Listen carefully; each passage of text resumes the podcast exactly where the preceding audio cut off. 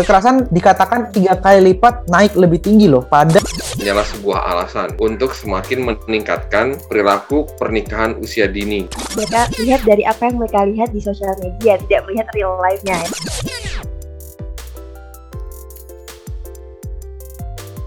Halo semuanya, selamat datang di podcast Bincang Sehati. Halo Aziz, gimana kabarnya nih? Alhamdulillah baik-baik saja secara mental dan fisik. Insya Allah sehat semua. Bener nih. Iya dong. Kalau kamu sendiri? Jangan ditanya dong. Kenapa Ki? ya karena faktor ini juga ya, pandemi, terus tugas hmm. juga, nih tambahan juga aku lagi jomblo juga. Aduh ya ampun, udah overwhelmed. Kan makin triple kill gak sih? Iya. Apaan tuh yang triple nih? Pandemi. Penderitaannya dong. Jangan dibawa stres dong Ki. Udah Tapi, pandemi stres, kamunya dibikin stres, nanti malah overwhelm ya. Overwhelm, uh, burn out gitu. Tapi sekarang aku lagi seneng tau. Kenapa, kenapa, kenapa? Ya hari ini, kali ini podcast pertama ini kita bisa jumpa pertama juga sama teman-teman mahasiswa Universitas Jember lewat podcast Bincang Sehat ini dan jumpa lagi juga buat teman-teman podcast Eskalasi. Karena podcast ini adalah collaboration project antara relawan TDKBC UNED khususnya dari grup 8 dengan podcast Eskalasi. Wah, jadi teman-teman, sesuai judul yang ada di poster, kali ini kita bakal bahas topik yang sangat menarik, yaitu fenomena nikah muda selama pandemi. Seperti yang terpampang dalam cover juga, kita nggak berdua aja nih, Ki. Kita, mm -mm, kita akan membahas ini bersama tiga orang narasumber yang sangat luar biasa. Hmm? Ada salah seorang dokter yang tentunya nanti membahas melalui perspektif kesehatan, hmm. lalu duta generasi berencana yang akan membahas melalui perspektif remaja, hmm. dan juga ada seorang dosen ilmu kesejahteraan sosial yang tentunya akan melihat dari perspektif sosial. Oh ya Ki, kita belum kenalan nih. Kenalin, hmm. aku Balkis Fiskania. Dan aku Rizky Lukman Saputra selama beberapa menit ke depan akan menemani waktu bersantai kamu sambil ngebahas fenomena nikah muda yang trennya meningkat nih selama satu tahun pandemi. Yap, bener banget. Tapi sebelum itu, jangan lupa buat klik like dan share ke berbagai platform social media yang kamu punya. Dan boleh banget nih follow Instagram kita, ya nggak Ki? Betul dong, jadi sebelum dengerin lebih jauh, boleh kali ya follow Instagram at pojokcovidunet, terus juga at podcast.eskalasi, at rizkyls underscore, dan at Balkis Fiskania. Oke, langsung saja kita bahas bersama narasumber kita. Oke, kita sama-sama dulu kali ya. Mungkin boleh perkenalan dulu dari Dokter Samuel. Oke, uh, halo semua, saya Dokter Samuel. Panggil aja biasanya Sam, nggak masalah, nggak apa-apa nggak usah pakai dokternya. Jadi uh, saya saat ini sedang berkiprah menjadi dokter magang di RSCM, bagian fertilitas pria, Departemen Fertilitas Pria. Dan kebetulan hari ini kita ketemu dan kita akan berbincang-bincang seputar menikah muda di masa pandemi. Apakah itu sebuah solusi atau sebuah masalah bagi anak-anak muda? Oke, terima kasih Dokter Sam. Dokter Sam ya, wah iya. keren banget. Salam nih, kenal ya dokter. Salam kenal dokter. Perkenalan dari Kak Saskia. Oke, sebelumnya halo semuanya, halo dokter, halo Kak Balkis, halo Kak Eki. Kenalin, Aku Saskia Dea, Duta Generasi Berencana Kabupaten Tulungagung 2020 dan sekarang lagi menjalankan studi di Poltekkes Surakarta semester akhir nih Kak. Doain ya Kak. Amin, semoga cepat dipermudah hingga akhir. Iya, amin amin. Oh iya oh iya, sebelum kita lanjut nih, aku mau dong ngajak dokter sama kakak-kakak salam genre dulu kali ya kita. Boleh, boleh, boleh. Oke. Okay. Boleh, boleh. Jadi uh, nanti kalau aku bilang salam genre, kakak-kakak dan dokter jawab dengan salam. Oke? Oke, oke. Oke, siap. Gini, ya tangannya gini dong. Yuk. Salam genre. Salam. Salam. Yeay. Mungkin Pak Adi bisa memperkenalkan diri terlebih dahulu, singkat, padat, dan jelas. Baik, Uh, selamat malam, Balgi. Selamat malam, Rizky. Perkenalkan, juga nama saya adalah Franciscus Adi Prasetyo. Saya dosen di jurusan Ilmu Kesejahteraan Sosial Visip Universitas Jember sejak tahun 2008. Uh, eh, saya baru aktif kembali di Universitas Jember setelah menyelesaikan pendidikan doktoral saya di UI tahun 2018 sehingga ya praktis saya masih harus banyak belajar lagi tentang apa situasi terkini isu-isu sosial lagi di Jember gitu. Tapi sebelum itu terjadi sudah COVID ya sudah mau gimana lagi. Sesuai dengan judul ya soal nikah muda begitu apakah ini solusi atau justru satu tahun setengah pandemi COVID-19 ya ada banyak kebijakan banyak situasi yang berubah dari offline kemudian menjadi online dari kerjaan gitu work from home, kemudian juga ada study from home dan sebagainya. Orang-orang pasti rentan stres juga dan kalau dilihat-lihat kayaknya pelariannya dari stres tuh ya di sosial media gitu ya sih. Karena aku pun juga sebagai pengguna aktif sosial media ya tetap apa namanya pelarian itu juga ke sosial media gitu. Kalau nggak ke TikTok, lihat FYP, terus juga di Instagram gitu kan banyak konten-konten yang menarik gitu. Cuman yang yang akhir-akhir ini gitu, yang sejauh ini paling menarik adalah konten-konten yang UU nih. Biasanya yang apa harmonisan uh, hubungannya gitu. Pacaran kemudian ada juga yang apa namanya yang baru nikah gitu. Baru nikah uh, cerita soal hubungan pertamanya gitu. Hari pertamanya setelah nikah dan lain sebagainya. Dan itu kalau dilihat-lihat di comment sectionnya mostly bilang soal pengen cepet-cepet nikah gitu, pengen cepet-cepet punya momongan juga ada. Bahkan ada juga statement yang terus terang mengungkapkan saya masih SMP gitu, kayak tidak gini, pengen nikah deh tapi masih SMP gitu dengan emot nangis dan gemoy-gemoy gitu. Jadi kadang juga gemes juga nih sama si bocah gitu, masih seusia uh, apa namanya masih seumur ini ya, tapi udah mikir soal nikah, terus juga pengen tetap berkeluarga. Emang tahu apa sih mereka gitu ya kan? Kalau aku sih memandangnya seperti itu. Nah, untuk melihat fenomena ini, mungkin uh, gimana sih pendapat uh, dokter dulu deh melihat fenomena nikah ini yang apa namanya di, di satu tahun ini apa namanya lagi mana gitu karena kita validasi juga ternyata di apa namanya peradilan agama itu hampir sekitar 34 ribu pengajuan dispensasi menikah padahal sudah ditetapkan batasannya kalau salah 19 tahun ya hampir 97 persen itu dikabulkan permohonan dispensasinya. Jadi terjadi beneran itu untuk menikah muda di di masyarakat gitu. Nah untuk melihat itu gimana nih pendapat dokter dulu deh? Oke, itu sebuah masalah sih yang lagi naik sekarang, bukan hanya di kalangan media sosial yang tadi mengenai TikTok. Ternyata dunia juga melihat bahwa COVID-19 pandemi ini justru malah meningkatkan tingkatnya pernikahan. Nah, di sini kan kita harus tahu nih, definisi pernikahan dini itu apakah perbedaannya nih? Early marriage ataupun yang kita sebut sebagai child marriage. Nah, ini suatu ter term term uh, apa istilah yang sama sebenarnya. Nah, mereka ada batasan umurnya dan batasan umur itu tentu diatur sama undang-undang masing-masing negara. Aku ambil sebagai contoh ya. Mungkin teman-teman di sini tahu kalau Indonesia itu mereka kasih batasan umur untuk menikah yang digolongkannya pernikahan dini itu sebenarnya laki-laki 19 tahun dan perempuan itu 19 tahun juga. Ini baru direvisi tahun 2019. Yang sebelumnya wanita itu 16 tahun. Nah, ternyata bukan hanya Indonesia yang menyoroti nih masalah peningkatan adanya pernikahan yang masuk tadi yang Eki sudah sempat mention ya. Ternyata disorot juga sama dunia, terutama pada UNICEF ya. UNICEF merupakan PBB punya dan fokusnya kepada anak-anak. Nah ini anehnya mereka menemukan ada lima poin kenapa sih bisa terjadinya pernikahan muda selama pandemi.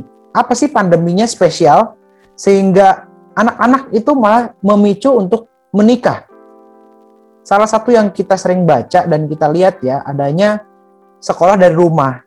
Nah, itu salah satu aspek itu penutupan sekolah. Kok bisa sih penutupan sekolah menjadi efek dampak pernikahan muda? Bener ya, semua di sini dari kuliah, mungkin Saskia yang lagi kuliah juga tahu ya, semua lagi apa namanya belajar mengajar semua via online, via Zoom ataupun via Google Meet seperti itu. Nah, terhentinya pendidikan ini ternyata dampaknya itu sangat besar. Teman-teman anak-anak yang SMA yang seharusnya mereka aktif di sekolah, ternyata mereka memiliki banyak sekali waktu luang.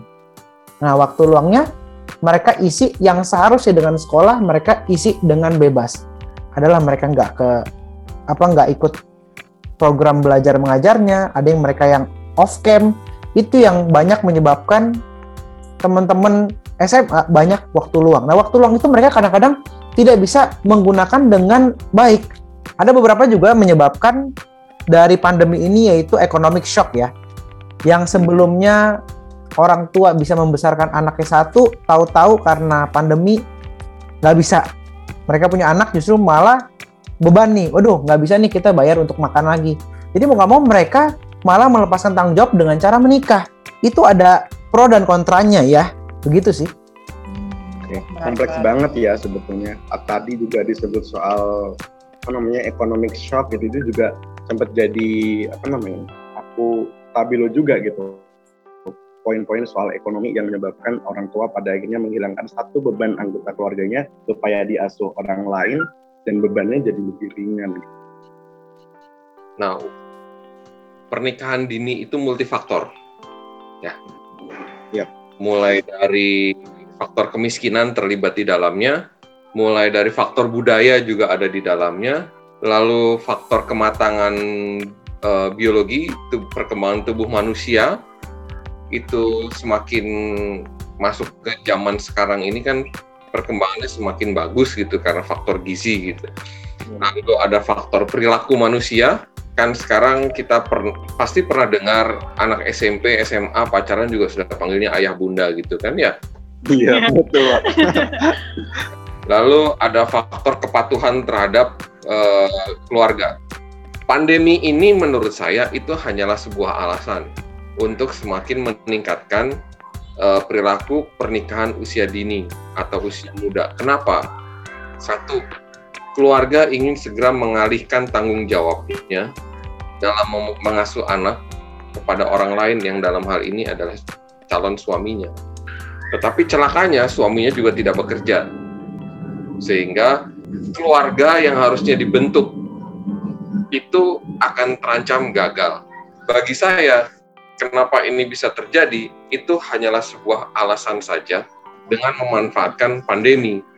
Karena sebelum pandemi pun pola itu sudah ada dan jangan lupa ya, sekarang sudah ada kampanye menikah muda dengan iming-iming surga tanpa melihat konsekuensinya dari kampanye itu.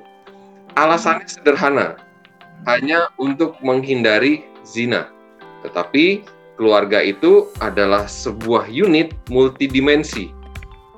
Ada dimensi sosial di situ, ada dimensi psikologis di situ, ada dimensi biologis di situ, ada dimensi kultural di situ, ada dimensi spiritual di situ. Tetapi ketika mulai disimplifikasi bahwa pernikahan usia muda itu semata-mata hanya untuk menghindari zina, maka bagi saya itu adalah sebuah fatalistik yang luar biasa besar. Sehingga ini menjadi penting untuk mengkampanyekan yuk jangan nikah muda gitu. Jangan deh. Saya lihat datanya di UNICEF di Afrika itu juga memiliki kecenderungan yang sama pandemi ini semakin meningkatkan dorongan orang tua untuk segera menikahkan anaknya. Padahal sebelum pandemi di Afrika itu datanya sudah landai. Tetapi begitu pandemi naik lagi. iya Pak. Berarti ini uh, bisa disimpulkan bahwa sebenarnya faktor yang paling dominan untuk menikah muda ini khususnya di selama masa pandemi ini karena memang ada dorongan dari orang tua untuk memindahkan uh, tanggung jawabnya secara di sini mungkin secara ekonomi ya Pak ya. Dan salah satunya juga uh, faktor dari keyakinan Pak yang Bapak sebutkan tadi. Begitu ya Pak ya? Kalau menurut Saskia sendiri gimana nih? Ini kan masih remaja juga nih ya. Saskia masih anak muda banget ya. Ini teman-temannya gimana nih? Ada yang ini enggak yang komentar-komentar soal pengen nikah muda enggak Oke oke. Bener banget nih Kak Eki. Kalau ngomongin nikah muda nih apalagi aku yang semester tua dan malah sekarang online itu berat banget rasanya ya kan? Jadi ya, banyak ya. banget nih ya banyak banget nih kalau kesah teman-teman aku udah ah nikah aja udah ah nikah aja. Padahal apakah nikah itu solusi dari semua permasalahan? Saja tidak kan kak Eki? Nah terus gini tadi uh, sempet disinggung uh, tren TikTok ya kan? Hmm. tren TikTok tren di sosial media yang kita tahu uh, beberapa waktu yang lalu sempat booming juga uh, pernikahan dini uh, beberapa public figure yang akhirnya jadi uh, pandangan nih buat banyak anak muda di Indonesia. Kayak oh ya udah oh nikah uh, muda ini enak gitu-gitu. Karena mereka lihat ya dari sosial media mereka lihat dari apa yang mereka lihat di sosial media tidak melihat real life-nya ya kan kayak gitu. Seperti itu. Nah jadi gini kalau menurut aku di masa pandemi ini gimana sih biar uh, anak muda tentunya anak muda. Kita uh, pilih kita pilih nih sosial media seperti apa yang mau kita lihat gitu. Nah, dan di sini aku mau rekomendasiin buat teman-teman untuk nge-follow akun-akun. Yang pertama nih ada BKKBN official. Lalu ada BKKBN Jawa Timur, genre underscore Jawa Timur dan insan genre underscore Tulungagung. Karena di situ juga akan banyak materi-materi kak. Apalagi materi tentang pernikahan dini yang mungkin bisa merubah mindset teman-teman yang kebelet nikah nih yang tidak memikirkan jangka panjangnya pernikahan. Jadi mungkin bisa membuka mindset teman-teman. Seperti itu sih kalau dari aku kayak uh, salah satu pagar pencegahan menikah muda ini kan pendidikan pak karena biasanya nih uh, setelah lulus SMP lalu kita uh, sekolah SMA otomatis ketika bersekolah itu fokus kita akan uh, fokus ke pendidikan. Misalnya uh, sekolah itu kan jam 7 ya Pak ya sampai jam 3 sore itu udah nggak ada waktu untuk memikirkan hal-hal lain gitu Pak. Kan kita fokus untuk supaya nilai kita bagus atau fokus ke ekstrakurikuler, mengembangkan potensi diri dan lain sebagainya. Nah, lalu apakah artinya pendidikan selama satu tahun ini, selama masa pandemi ini uh, dinilai kurang kurang efektif ya Pak ya karena tidak bisa uh, apa namanya mencegah untuk menurunkan angka pernikahan dini ini Pak. Menurut Bapak seperti apa? Ya, pertama kita harus bedakan dulu ya pendidikan formal yang ditempuh mulai dari wajib belajar 9 tahun lalu perguruan tinggi gitu dengan pendidikan-pendidikan informal yang terkait dengan edukasi kesehatan reproduksi pada remaja, pencegahan HIV AIDS itu itu beda lagi tuh. Di pendidikan kita konten-konten pendidikan seksual, pendidikan reproduksi, pendidikan tentang kesehatan reproduksi remaja itu kurang mendapatkan ruang karena masih dianggap tabu membicarakan tentang kesehatan reproduksi remaja cukup dengan pendekatan agama sebagai bentengnya. Celakanya ternyata tidak seperti itu. Ya, kita harus jujur mengakui bahwa pendekatan agama itu baik, tetapi perlu juga dilengkapi dengan pengetahuan yang lain. Misalnya kesehatan reproduksi remaja, supaya itu pikir dari remaja-remaja apa sih konsekuensi-konsekuensinya kalau saya menikah di usia muda? Ya. Pendidikan di era pandemi ini pada satu sisi juga membuat kita harus uh, beradaptasi juga. Pendidikan tidak berjalan dengan efektif, iya. Kita harus beralih dari offline menjadi online seperti ini. Oke, aku sebenarnya bertanya-tanya. Kalau dari sisi uh, mungkin khususnya kesehatan atau uh, mungkin in general aja kali ya, sebenarnya uh, faktor apa aja sih dokter uh, yang mendorong atau memicu para remaja ini untuk menikah muda, khususnya selama uh, masa pandemi kemarin. Mungkin tadi uh, sempat apa sedikit disinggung beberapa faktornya. Hmm. Mungkin di sini lebih bisa kayak uh, nge-breakdown lagi atau mungkin di, diambil dari sisi kesehatannya. Mungkin ini uh, pertanyaan untuk dokter dulu. Oke, dari sisi kesehatan ya mengenai nikah muda, apa sih yang menjadi momok utama ya sebenarnya? Kalau kita lihat dari sexual health ya, kan mereka menikah harus ada dua individu ya, setuju ya? Ada cowok dan ada cewek. Di mana pernikahan itu mereka harus dilandasi nih. Landasinya apa? Pertama kita harus lihat dari faktor fisiknya. Physically, yang kedua secara mentally, yang ketiga socially secara sosial dan yang terakhir adalah secara finansial. Kita nggak boleh lupain aspek keempat itu. Nah di sini ternyata kita nggak bisa memungkiri ya teman-teman yang memutuskan untuk nikah muda yaitu di bawah 18 tahun ataupun di bawah 19 tahun menurut Undang-Undang Indonesia karena mengikuti lagi ya undang-undang masing-masing negara ternyata mereka yang enggak siap itu sangat rentan ya dari wanitanya dan dari laki-lakinya. Rentan dalam yang tadi sudah saya sebutkan nih apakah siap untuk memiliki anak? Apakah mereka tahu nih kalau nggak punya anak kontrasepsi apa yang digunakan? Itu kan sangat spesifik ya yang tentu umur 18 tahun ke bawah 19 tahun ke bawah ataupun yang belum siap secara fisik dan mental mereka nggak akan cari tahu gitu. Mereka hanya dijodohkan contohnya. Itu kita sebut sebagai forced marriage ya yang dipaksakan. Mereka nggak mungkin nih ada planning yang segitu jauhnya sampai bilang anak saya mau ada tiga, anak saya nanti dua, atau anak saya nanti makannya apa, sekolahnya dibiayain dengan apa, pakai baju atau pakai popok, minum susunya apa. Menurutku mereka tidak mungkin memikir sejauh itu. Nah di situlah pentingnya namanya persiapan. Secara seksual sendiri, kita ngomongin secara biologis, tentu kita tahu ya, sejak pubertas laki-laki itu mimpi basah itu sudah bisa menghasilkan sperma yang bisa menghamilkan, bisa membuahi. Begitupun juga dengan wanita ya. Wanita pertama kali haid atau menarche, menstruasi, mereka juga sudah mengeluarkan ovum. Sel telur itu yang mampu dan layak untuk dibuahi.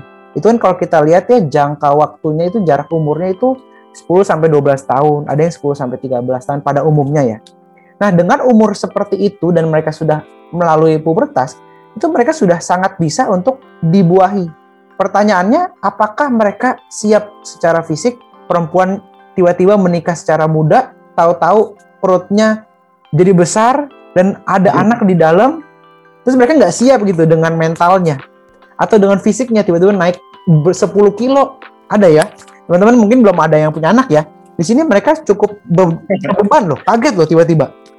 Tiba-tiba di perut saya ada anak dan saya baru umur 15 tahun sebagai contohnya, terus saya harus makan yang bersehat, yang bergizi, di mana umur 15 tahun itu mereka masih minum pop ice. Minum pop ice, makan indomie, dan memang nggak tahu apa yang harus dimakan untuk kesehatan anaknya. Nah, pada saat lahiran juga tuh adalah istilah baby blue syndrome. Apakah oh, anaknya diingini apa enggak? Ternyata nggak diinginin, unwanted justru. Nah, itu jadi masalah lagi. Saat lahir malah mereka ada kepikiran untuk membunuh. Masuklah ke bagian kriminal. Belum lagi laki-lakinya ternyata memang lagi cinta-cintanya itu pada saat sebelum hamil. Mereka laki-laki punya pasangan yang lain. Terjadilah itu infeksi menular seksual karena banyak pasangan. Setelah itu bisa juga timbul kekerasan. Kekerasan dikatakan tiga kali lipat naik lebih tinggi loh pada anak-anak yang tidak ada planning dan nikahnya nikah muda. Pasti yang di kekerasan yang nggak mungkin wanita pukul pria ya. Pasti di sini posisinya laki-laki yang melakukan. Yeah. Nah, di situlah muncul tuh kenapa tingkat divorce atau perceraian itu menjadi tinggi. Sebenarnya semua itu berkesinambungan dan kita hanya membaca, membahas sedikit saja dari kejadian pernikahan secara dini. Begitu, kira-kira.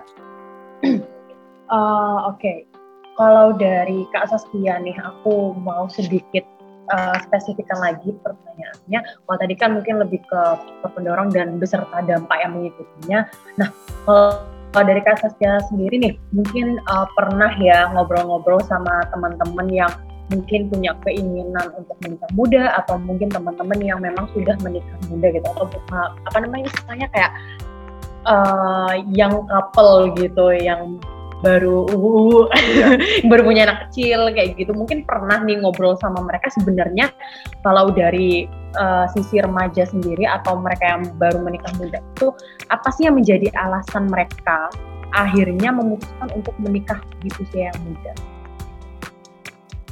Oke Kak Balkis, jadi ada sedikit cerita nih.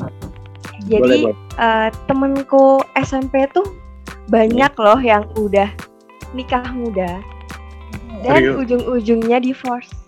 Wow, itu nggak lebih, ya itu nggak cuma satu dua orang yang kayak gitu. Hmm. Dan kebanyakan dari mereka itu tadi, kenapa sih akhirnya memutuskan untuk menikah? Karena kehamilan tidak diinginkan. Oh, oke. Okay. akhirnya MBA ya? Akhirnya Jadi... seperti itu. Ya, dan apa ya kak sangat disayangkan banget sih kalau uh, menikah kan banyak banget juga nih yang uh, mau nikah muda hanya karena ingin menghindari seks bebas. Hmm. Ya pasti banyak banyak mindset yang mindset anak muda zaman sekarang yang kayak gitu pasti banyak. Dan itu menurutku mindset yang salah karena apa? Karena membangun sebuah keluarga tuh lebih dari sekedar untuk hal itu aja kan kak seperti itu itu terus uh, selain itu selain kehamilan tidak diinginkan faktor lainnya juga mereka tuh membayangkan aduh uh, begitu indahnya nih aku 24 per 7 sama pacar aku gitu. Aku Iya kan? Padahal yang dibayangin karena mereka tuh keseringan nonton drama Korea apa gimana ya ini kak? Kok sampai kayak gitu? Mm -mm. yang dibayangkan yang indah-indah padahal uh, nanti di di pernikahan tuh pasti juga ada ada kok masalahnya ada hal-hal yang lebih ribet lagi gitu loh nggak cuma indah-indahnya aja gitu jadi sejauh ini itu sih kak kalau aku lihat dari lingkungan sekitar aku dari remaja-remaja yang punya keinginan untuk menikah di usia muda. Tadi tadi Saskia sempat mention soal divorce gitu uh, eh, btw divorce itu perceraian kan? Iya ngerti Eki. Jadi kalau ngomong soal perceraian berarti uh, tidak menjamin ya orang yang menikah muda itu uh, artinya ada uh, tentu kalau orang nikah muda itu kaitannya juga sama ketahanan keluarga. Betul nggak? Mungkin bisa diklarifikasi. Iya, iya, iya. Kaitannya sama ketahanan keluarga. Kalau misal seseorang atau pasangan melakukan nikah muda, gimana tuh dok? Jadi lebih kepada ketahanan ya. Nih, ini yang aku nemuin bahwa 48%, 48% ya kita sebutnya 50 lah setengahnya ya. Pernikahan sebelum 18 tahun itu risiko cerainya itu 50% tadi aku bilang loh. Jadi sebelum pernikahan 18 tahun itu 50% akan cerai dalam waktu 10 tahun. Contoh, anak 17 tahun, nah dalam 10 tahun ke depan mereka 50% itu bisa cerai. Resiko itu tinggi dibandingkan kita banding yang sudah mature atau di atas 25 tahun itu resiko perceraian dalam 10 tahun itu berkurang setengahnya. Paham nggak sampai sini nih? Jadi 50% anak-anak yang menikah di bawah 18 tahun dalam 10 tahun pertama mereka nikah akan cerai. Nah, itu kaitan satu dari sekian banyak. Kita belum ngomongin soal pendidikannya. Apakah pendidikan memiliki faktor yang menentukan? Apakah IQ? IQ itu tahu ya IQ ya. Ada IQ, ada EQ. Nah IQ rata-rata di bawah rata-rata atau IQ yang pas-pasan atau IQ tinggi, ada nggak sih resiko? Itu juga semua ada evidence base-nya. Ada jurnal yang membahas, ada jurnal yang membuat itu simple. Apakah kaitan dengan laki-laki yang alkohol, ada rokok, adiksi, itu ada dampaknya terhadap hubungan pernikahan dan perceraian ada juga ternyata. Terus kaitan dengan mereka udah nikah dini nih, tahu-tahu mereka nggak punya anak. Salah satu itu infertil. Infertil itu ketidakmampuan memiliki anak. Bisa dari cowoknya, bisa dari ceweknya. Nah itu apakah akan jadi ribut ke depannya? Ada faktornya itu juga. Apakah ada kaitannya nih? Misalnya mereka nggak tahu siapa yang membiayai apakah semua hanya dari daun kita petik buat beli susu formula gitu kan enggak buat jadi popok kan nggak mungkin kita apa namanya membiarkan anaknya itu berak di mana-mana atau buang air besar yang itu tanpa adanya popok. Nah, itu yang menjadi pemikiran-pemikiran mereka suka selalu menggampangkan dan tidak berpikir segitu jauh. Nih. Ternyata juga nih, teman-teman harus tahu nih, umur kritis perceraian paling banyak baik itu mereka nikah muda atau nikah pada umurnya yaitu 25 tahun yang nikah umur cukup itu bermasalah pada tahun pertama dan tahun kedua. Jadi pertama kali nikah itu justru resiko yang paling besar. Mereka tiba-tiba kaget nih. Udah nikah, oh ternyata dia buruknya ini ini nih yang selama ini kita nggak pernah tahu. Anak SMP kan nggak mungkin ketemu sama pacarnya 24 per 7 paling cuma diajak mainnya Mobile Legend main Mobile Legend ke warnet makan ciki berduaan kan sejauh itu mereka kenal pasangannya tiba-tiba kaget lah disuruh ketemu yang nggak tahu buruk-buruknya ternyata baru ketahuan setelah nikah Nah, dari situ kita bisa lihat nih, kalau kita mapping semua, kausalitas perceraiannya kenapa sih? Kenapa bisa sampai perceraian? Setiap aspek itu memiliki bobotnya masing-masing ya. Jadi perceraian itu bukan hanya single factor apakah dia cocok atau enggak, cinta apa enggak, apakah dia resiko perceraiannya tinggi apa enggak, karena dia sama-sama main Mobile Legends sama saya apa enggak, bukan hanya itu. Tapi banyak sekali multifaktornya yang nanti mungkin kalau sempat kita akan bahas satu persatu sih. Begitu. Gitu ya. Berarti ini uh, dari apa yang dokter sampaikan tadi, saya nangkepnya lebih ke kalau kita menikah di umur yang idealnya 25 tahun ya dokter ya, itu ketika ada masalah di tahun pertama dan tahun kedua itu akan lebih bisa uh, menghadapinya secara apa ya? Uh, secara dewasa gitu ya dokter ya. Betul. Maka maka dari itu uh, resiko perceraiannya lebih rendah daripada yang menikah di bawah umur tersebut atau mungkin di bawah umur uh, 20, uh, 19 tahun ya tadi ya. Karena mereka mungkin baru satu tahun dua tahun kayak kaget terus ah nggak suka nih. Udah langsung pasti gitu ya dokter ya. Betul dengan faktor yang lain ya pendidikan IQ finansial alkohol misalnya ada laki-laki dia ada kecanduan apakah mau punya anak apa enggak dan seterusnya jadi gini kalau tadi sempat di apa namanya disebut soal perceraian juga gitu. Ini mungkin dari dari Saskia nih selaku duta genre ya generasi berencana tentunya di bawah instansi BKKBN kan. Nah ini hambatannya apa sih sebetulnya? Kenapa kok uh, angka pernikahan dini atau nikah muda itu uh, terus bertambah gitu? Masih ada aja gitu. Bahkan uh, bisa nggak sih kita jadikan uh, istilah sempat hampir menjadi budaya nikah muda gitu sekarang udah kayak mulai-mulai kelihatan gitu gitu nikah muda. Ini apakah ada hambatan barangkali dari program-programnya sebenarnya apa aja sih yang di apa namanya diunggulkan gitu untuk menanggulangi kasus uh, nikah muda atau fenomena nikah muda khususnya di masa pandemi barangkali. Gimana? Ya.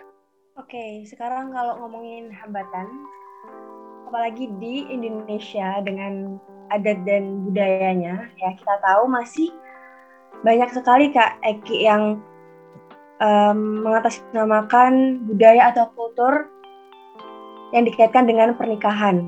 Betul. Ada masih ada beberapa beberapa tempat yang masih uh, menganut hal seperti itu. Nah, selain itu juga faktor ekonomi dan dorongan dari orang tua yang saya tadi udah dibahas ya kan tentang um, mindset mindset orang tua yang ada yang masih mikir kalau ya udahlah anaknya dinikahin aja untuk mengurangi beban uh, keluarga seperti yang sudah dokter sampaikan tadi. Padahal kalau kita telusuri lebih jauh lagi, sekarang nih kalau anak ya anak dinikahin muda dengan dalih-dalih mengurangi beban keluarga dengan dengan itu terus pada akhirnya anak ini pasti akan putus sekolah ya kan dan hmm. pasti malah akan menjadi rantai kemiskinan kayak Eki karena apa? Karena gimana nih generasi akan uh, generasi selanjutnya akan menjadi generasi emas kalau generasinya aja putus sekolah cuma karena pernikahan dini. Nah, rantai ini nih yang harus diputusin dan kita sebagai remaja, sebagai anak muda, kita sebagai uh, generasi berencana nih yang punya PR nih, gimana memutus rantai ini, gimana memutus mindset orang tua yang masih punya pemikiran seperti ini tadi. Lalu yang terakhir uh, tentang itu tadi menjaga nama baik keluarga. Karena gini, ada yang bilang uh, ya dinikahin aja daripada nanti pacaran malah aneh-aneh daripada nanti pacaran malah terjadi insiden yang tidak diinginkan. Seperti itu. Padahal untuk menghindari insiden-insiden seperti itu, banyak hal lain kayak seperti kita melakukan hal produktif seperti itu. Jadi apalagi pandemi. Pandemi ini tolong dong jangan dijadiin alasan gitu. Sebenarnya pandemi ini bisa loh kita jadi motivasi untuk lebih survive lagi seperti itu. Terus uh, kalau dari apa namanya dari sisi perspektif uh, sosial gitu, dampak dari seseorang menikah uh, muda atau menikah dini mungkin karena kan barangkali menurut saya karena sudah uh, membangun keluarga baru artinya menggabungkan dua keluarga menjadi keluarga yang baru secara dari segi atau sisi sosial gitu ya apakah ada dampak yang uh, yang menonjol begitu pak? Baik. Bisa jadi mereka juga merasa malu. Karena masih kecil sudah punya anak. Sementara teman-teman yang lain masih main-main ya, Pak. Ya? Main-main, masih berkreasi, masih merayakan kebebasannya, mengembangkan potensi dirinya, gabung sana, gabung sini. Masih traveling lagi. Ya. Ke Bromo, ke Dieng, ke Singapura, ke Malaysia, ke Vietnam, ke Amerika. Sementara dia udah di rumah cuma pakai sarung gitu ya, bengong. Rizky nih nanti Pak. jangan dong. Ya, jangan dong ya. Lalu dampak secara kulturalnya ya akan semakin melanggengkan uh, pernikahan usia muda ini. Itu kulturalnya. Dan itu akan sangat berpengaruh terhadap kualitas manusia di masa depan. Oh, kualitas. Tinggi pasti. Ya, di Kawa Jember eh, di Pengadilan Agama Jember itu kan banyak teman-teman saya tuh di situ teman satu kos. Ya ini kemudian sudah ada yang menawarkan nih lo ada janda mau nggak? Nih lo ada janda mau nggak? Wow Waduh. janda muda. Artinya ini sebuah persoalan sosial baru kan? Iya ya, pak. Benar. Perempuan karena kebutuhan ekonomi akibat perceraian. Ada anak yang harus dinafkahi orang tuanya miskin. Pilihannya sangat pragmatis. Iya pak. Satu malam dapat 500 ribu. Ya kan? Berganti-ganti pasangan, HIV AIDS. Ya udah, setannya begitu. Laki-laki mana mau disuruh pakai kondom? Paling susah edukasi laki-laki pakai kondom. Kepala batu soalnya. Itu. Korbannya siapa? Perempuan. Iya benar Pak. Merembet banget ya meluas sekali dari satu fenomena menjadi isu lain bercabang akhirnya ya, bercabang. Itu dia. Terus Pak, ini karena tadi di awal uh, sempat disinggung bahwasannya ada apa namanya persepsi orang tua yang menikahkan anaknya karena mungkin barangkali mengurangi beban dan lain sebagainya. Itu kan uh, dari apa ya namanya? Dari segi anak, apa yang uh, apa namanya?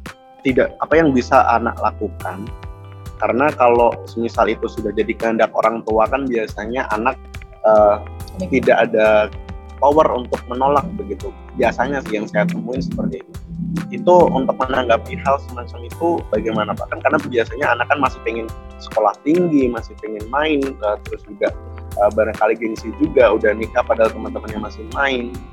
Ada mimpi-mimpi yang mungkin banyak uh, banyak yang ingin dia coba dan ingin dia capai. Seperti itu pak barangkali bagaimana menurut apa, apa yang bisa dilakukan anak tersebut gitu pak? Betul. untuk menolak tapi dalam keadaan dia uh, dibandingkan orang tuanya pasti lebih powerless ya. Hmm. itu pak. Gini Bergis masih ingat teori ekologi nggak? Oh ingat. Ingat ingat ingat ingat. Tapi ingat. Kalau teori ekologi itu kan konsepnya pada keseimbangan antar sistem kalau okay. sistemnya harmoni itu uh, kesejahteraan akan tercapai. Nah sekarang kita lihat bahwa teori ekologi itu melahirkan sebuah perspektif namanya person in environment. Di refresh lagi bagisnya. Nah dari perspektif in environment ini kemudian kita bisa uh, merancang sebuah sistem untuk menjawab pertanyaan yang tadi satu, titik sentralnya itu ada pada si anak. Lalu tinggal dilihat, anak berhubungan dengan sistem apa aja sih? Ada sistem orang tua, ada sistem sekolah, ada sistem teman, lalu ada sistem uh, organisasi lokal dan lain sebagainya ya. Ketika anak mengalami ketidakseimbangan dengan sistem keluarga, maka si anak bisa lapor ke mana sih? Dia bisa ke sekolah, lapor kepada wali kelasnya, lapor kepada gurunya, untuk menceritakan masalahnya. Supaya sistem sekolah yang mengedukasi orang tua. Karena anak akan tidak berdaya kalau sudah diancam, kalau kamu mau sekolah, kamu sudah bukan anak ayah lagi. Nikah. Kalau kamu tidak turut kehendak ayah, kamu anak durhaka. Padahal yang durhaka itu adalah bapak sama emaknya. betul. Iya betul karena memaksakan kehendaknya ya Pak. Akan kehendak di usia anak yang belum matang untuk hidup dalam sebuah institusi keluarga. Padahal masih ada hak-hak dan kewajiban yang harus dipenuhi di situ sebagai Iya. seorang Eh, orang tua kan merasa begini, beban pendidikan anak itu berat. Ini adalah tipe orang tua yang tidak bergaul. Ya. Padahal untuk beasiswa saja ada bidik misi yang tangguh lima setengah tahun lulus. Beasiswa-beasiswa dari perusahaan-perusahaan dalam program CSR juga banyak. Tapi kadang orang tua juga diminta menikahkan anaknya karena tekanan dari lingkungan sekitar. Udah anakmu ini kan sudah akil balik nih. Anak saya juga suka nih, kita besanan aja. Apalagi kalau kemudian ada barter. Begini, kamu punya hutang sama saya, oke. Saya akan menganggap hutangmu lunas asal anakmu saya ambil jadi istri, padahal anaknya masih muda, masih remaja. akhirnya seperti diperdagangkan ya Pak ya. Iya, itu dia. Oke, terima kasih. Nah, tadi itu kan sudah tersinggung beberapa dari dampak menikah muda, baik dari khususnya dari perspektif kesehatannya secara fisik, eh, secara mental, finansial, dan sosialnya itu tadi. Nah, di sini eh, gimana sih dok caranya eh, untuk memi- meminimalisir resiko kesehatan yang mungkin nantinya akan muncul misalnya tadi eh, dokter sebut baby blue ya tadi. Nah, misalnya nih ada pasangan yang menikah muda, nah bagaimana caranya untuk meminimalisir resiko-resiko atau dampak-dampak yang tadi sudah dokter sebutkan? apakah ada ini ya biasanya kalau di awal-awal mau nikah tuh konsultasi ke dokter gitu barangkali saya pernah dengar tuh katanya ada konsultasi sebelum menikah pranikah gitu Pranikah. Heeh. Mungkin Ini- iya mungkin bisa jelaskan kok pranikah itu seperti apa dokter? kita ada namanya premarital counseling. Jadi premarital itu pre itu sebelum, marital menikah. Jadi ada counseling sebelum menikah yang biasanya itu bisa kita cari. Hmm. Dalam artian platform kita sudah luas ya. Kita ada Google, ada YouTube dan seterusnya. Nah, di sini ternyata menikah itu bukan hanya dilandaskan hanya cinta dan cinta, suka dan suka. Ternyata banyak aspek. Dan salah satunya yang bisa membimbing kita selain orang tua ya, karena orang tua kan yang pasti yang menjadi sahnya ya, mensahkan itu pasti orang tua, terus dengan saksi-saksinya juga. Nah, selain itu kita juga bisa cari tahu melalui buku-buku, baca buku, baca-baca mengenai bagaimana cara menjadi istri yang baik. Itu banyak loh sekarang loh. Bukannya kita terlalu aneh-aneh ya membaca buku yang yang seharusnya bukan kita baca, tetapi untuk membangun sebuah keluarga itu kita memang perlu tahu komponen dari keluarga itu apa, apa aja sih yang kita butuhkan sebagai istri yang baik, sebagai suami yang baik. Nah, maka itu aku sangat mendorong teman-teman yang ingin menikah muda untuk melakukan premarital counseling. Premarital counseling itu isinya siapa sih yang akan membiayai anak, siapa sih yang akan membiayai keluarga. Komunikasi antar pasangan, antar cowok sama cewek udah tahu belum nih? Kekuatannya, strength-nya, kelemahan-kelemahan pasangannya, weakness-weaknessnya kita harus tahu sebelum kita menikahi pasangan itu. Biasanya yang eh, saya sering counsel ke teman-teman di sini karena saya juga salah satu uh, co-founder dari Partner Sehatku. Teman-teman bisa cari di Instagram Partner Sehatku itu kita berbicara mengenai relasi dan kesehatan. Eki juga uh, termasuk dari tim. Nah, ini kita saya sering sekali menerima case bahwa ternyata pasangan cowoknya itu nggak tahu keburukan ceweknya itu apa aja. Itu suatu fatal loh, suatu masalah yang fatal. Karena dia akan tahu ketika sudah menikah dan harus menerima itu karena sudah menikah. Iya. Hmm. Setuju ya? Kalau teman-teman bisa nih ketemu misalnya saya punya calon wanita dan saya disuruh, "Oke, Dokter Sam, tolong tulis 5 kebaikan calon Dokter Sam dan 5 keburukan yang sering dia lakukan Dokter Sam." Dan aku bisa menulisnya artinya aku mengerti betul dengan siapa aku menikah. Oke. Paham ya? Paham, paham. Selanjutnya kepercayaan dan nilai-nilai yang dianut nih. Value apa yang dia pegang. Oke, dia nggak suka cowok misalnya yang suka minum minuman alkohol atau cowok yang nggak suka ngerokok. Dan itu masuk ke kategori mutlak. Jadi dia benar-benar nggak suka. Hmm. Nah, itu kita harus ikutin dan kita harus ya menjadi seperti apa yang pasangan kita mau. Kalau kita tidak seperti itu ya ke depannya akan jadi bom waktu gitu. Kan sudah saya bilang, ujung-ujungnya keluar itu kata-katanya, kan sudah saya bilang jangan ngerokok, kan sudah saya bilang jangan minum-minum, tahu-tahu sudah nikah dan nggak bisa dihilangkan tuh kepercayaan dan nilai-nilai yang dianut. Itu akan jadi bom waktu. Terus kita juga harus tahu nih perannya nih, laki-laki perannya perempuan. Apakah perempuan itu mau jadi wanita karir kah? Atau perempuan itu memang mau jadi ibu rumah tangga kah?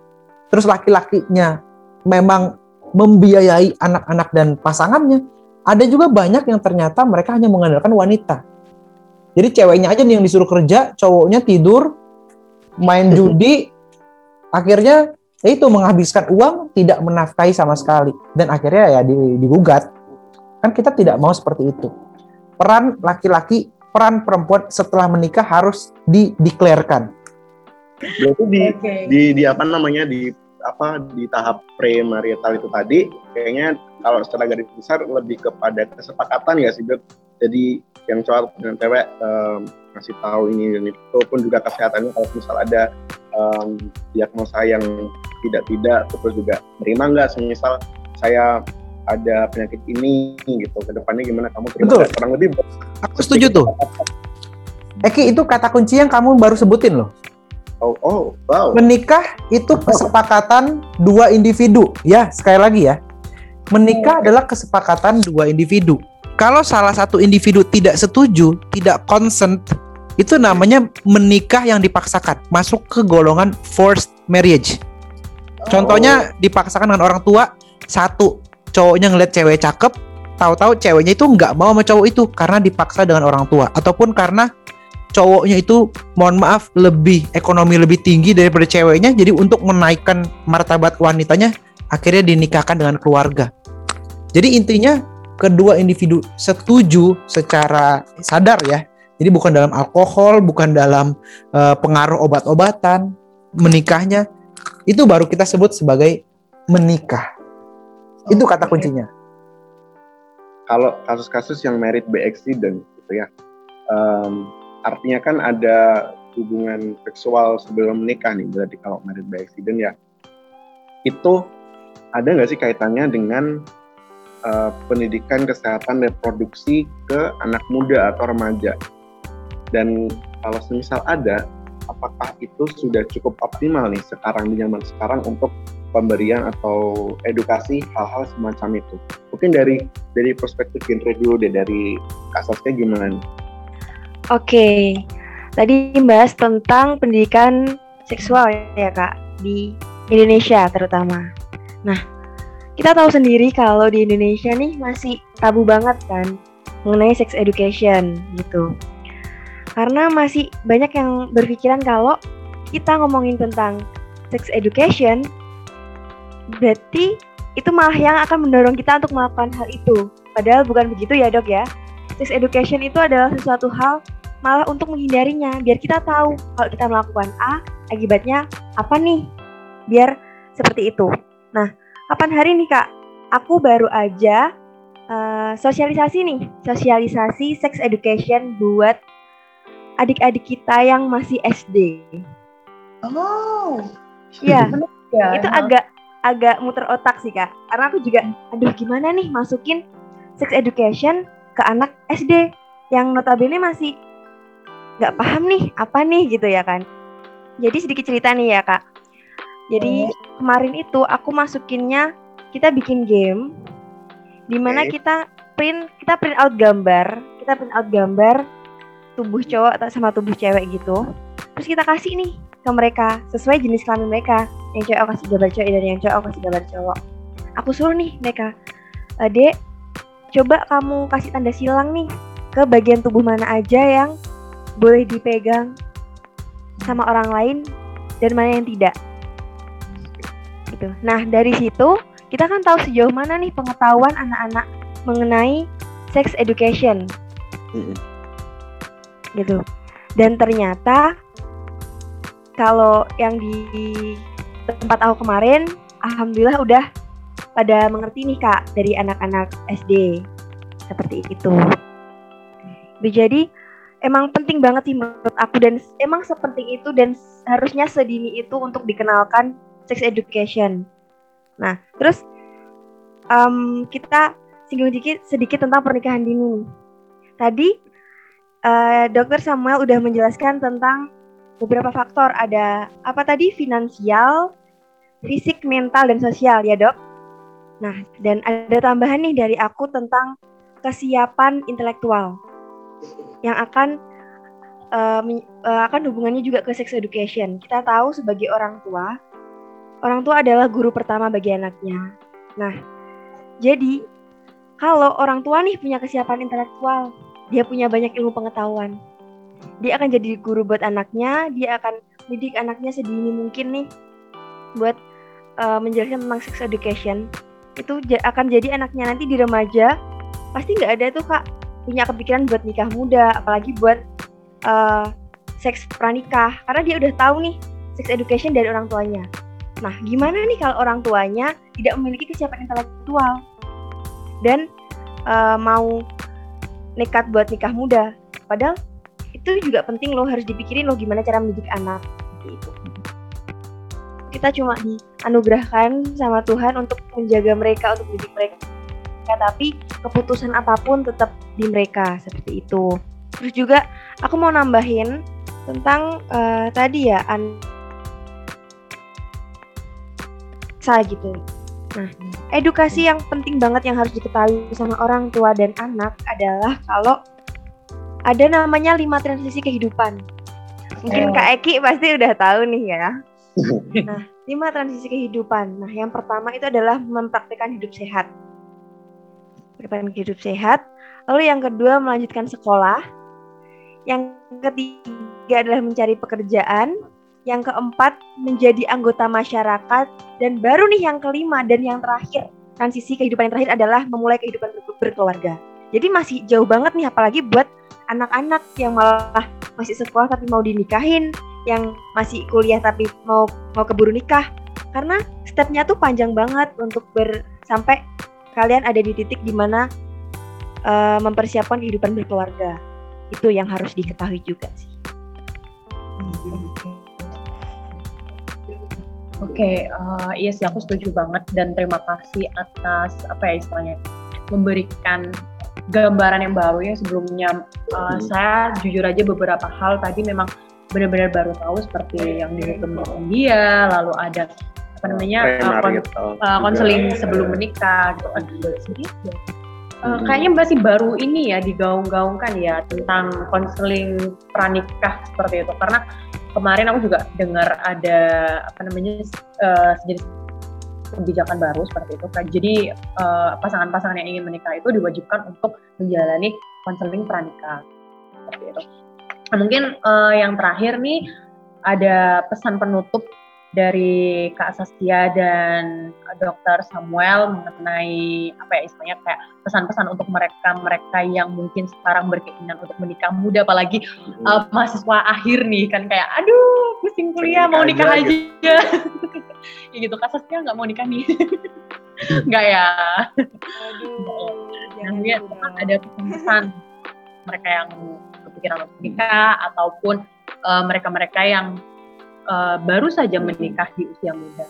yang nyaris terinfluence untuk menikah ya karena keseringan nonton konten-konten yang UU gitu yang banyak yang terinfluence kan mungkin ada pesan untuk mereka supaya jangan ke situ deh mending ke ini aja.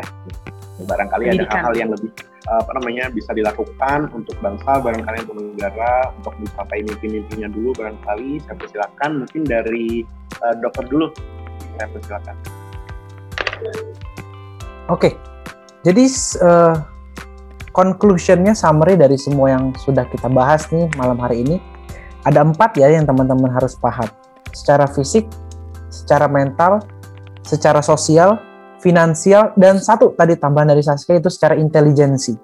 Tadi sempat juga kita mention ya, ada faktor dari pendidikan, faktor dari IQ juga untuk ketahanan suatu keluarga. Semua itu tetap nih harus kita landaskan dengan namanya planning. Tujuan kalian ingin menikah itu harus jelas. Tujuannya apa sih? Apakah hanya ingin untuk memuaskan nafsu supaya halal istilahnya atau betul-betul ingin membangun sebuah keluarga yang masa tahannya itu sampai meninggal? Ingat teman-teman bahwa menikah itu juga merupakan kesepakatan dua individu dan kesepakatan itu juga harus dilandaskan dengan keempat tadi. Fisik, mental, sosial, finansial dan satu lagi tambahan inteligensia. Dari situ teman-teman tahu nih buat plan jangka panjangnya itu seperti apa. Oke, mantap. Terima kasih Terima dokter. kasih dokter. Oke, lanjut ke Kak Saskia nih, pesan-pesan terakhir untuk teman-teman. Oke, jadi buat menutup obrolan kita malam hari ini, aku mau ngutip nih ada sedikit kalimat dari BKKBN. Ketika seseorang memiliki maksud untuk menikah, namun tidak mempersiapkan diri dengan baik, maka ia telah bersiap untuk gagal dalam pernikahannya. Jadi, menikahlah karena kamu siap, bukan karena kamu ingin, karena berencana itu keren. Salam genre. Salam. Salam. Oke, promosi Instagram nih ya. Oke, Boleh. buat teman-teman yang dengerin podcast aku bisa di follow Instagram aku @sasdea karena Oke. ya beberapa kali aku sering share juga nih mengenai materi genre, jadi support terus ya teman-teman. Buat aku buat bagiin virus-virus genre ke teman-teman. Oke. Oke, mantap. Oke. Mungkin ada pesan penutup dari Pak Adi. bahwa pernikahan usia remaja bukan sebuah pilihan yang bijaksana, bukan sebuah pilihan yang tepat untuk menyelesaikan masalah. Keluarga itu harus mampu eh, membuka cakrawala pandangnya lebih luas untuk bisa mengakses sistem-sistem sumber lain di sekitarnya yang dapat dimanfaatkan untuk menolong persoalan hidupnya. Sehingga keluarga juga bisa berpartisipasi secara aktif menjadi agen-agen yang eh, mengurangi angka remaja menikah di usia dini. Eh, Oke, terima kasih atas bincang-bincangnya, sangat luar biasa di sini dan saya juga berharap ilmu yang sudah di-share oleh Kak Saskia, Kak Samuel, apa Dokter Samuel Hmm, dan juga eh, Pak Adi itu eh, akan bermanfaat untuk halayak luas untuk Betul. menjadi pagar istilahnya mencegah eh, apa namanya pernikahan dini Yap. khususnya selama pandemi ini seperti Yap, itu. betul betul. Terus juga, sis, ini karena kita di masa pandemi gitu ya, daripada kita mikirin soal nikah, mending kita bikin karya, bikin kolaborasi kayak Benar. sekarang nih, kayak yang sekarang kita lakukan, bikin kolaborasi, saling support eh, platform masing-masing gitu ya, supaya eh, apa namanya menghiasi atau mengisi pandemi ini supaya tidak sepi gitu daripada kita mikirin nikah doang, mikirin pacaran doang, wuan doang, kan tidak tidak ada hal yang dihasilkan gitu ya. Benar. Jadi fokus ke pendidikan, mimpi-mimpi dan hal yang positif. Benar di rumah aja nggak berarti tidak produktif ya justru Yap. di rumah aja tuh bisa malah bisa jadi produktif karena kita Yap. bisa fokus untuk melakukan Hmm. banyak hal yang mungkin sebelumnya kita tidak bisa lakukan karena sibuk di luar Yap. rumah terus kayak gitu ya terima kasih untuk Dokter Samuel sudah berkenan menjadi narasumber kami terima kasih untuk Kak Saskia dan terima kasih untuk Pak Adi juga Eh, apa namanya aduh aku mau lupa Eh, apa namanya Semoga sehat selalu, bahagia selalu karena di masa pandemi ini semuanya orang mungkin agak sedikit tertekan ya karena uh, apa shock dengan keadaan. Jadi saya harap semuanya bahagia selalu. Cukup. Semoga bisa ketemu lagi di kolaborasi selanjutnya ya teman-teman. Dokter Iya. Sofia. kolaborasi. Oke. Oke, mungkin cukup sekian. Terima kasih, selamat malam, selamat berakhir pekan juga meskipun besok masih Jumat ya. Meninggalkan ini apa Zoom-nya. Dipersilakan. Terima kasih dokter. Sama-sama.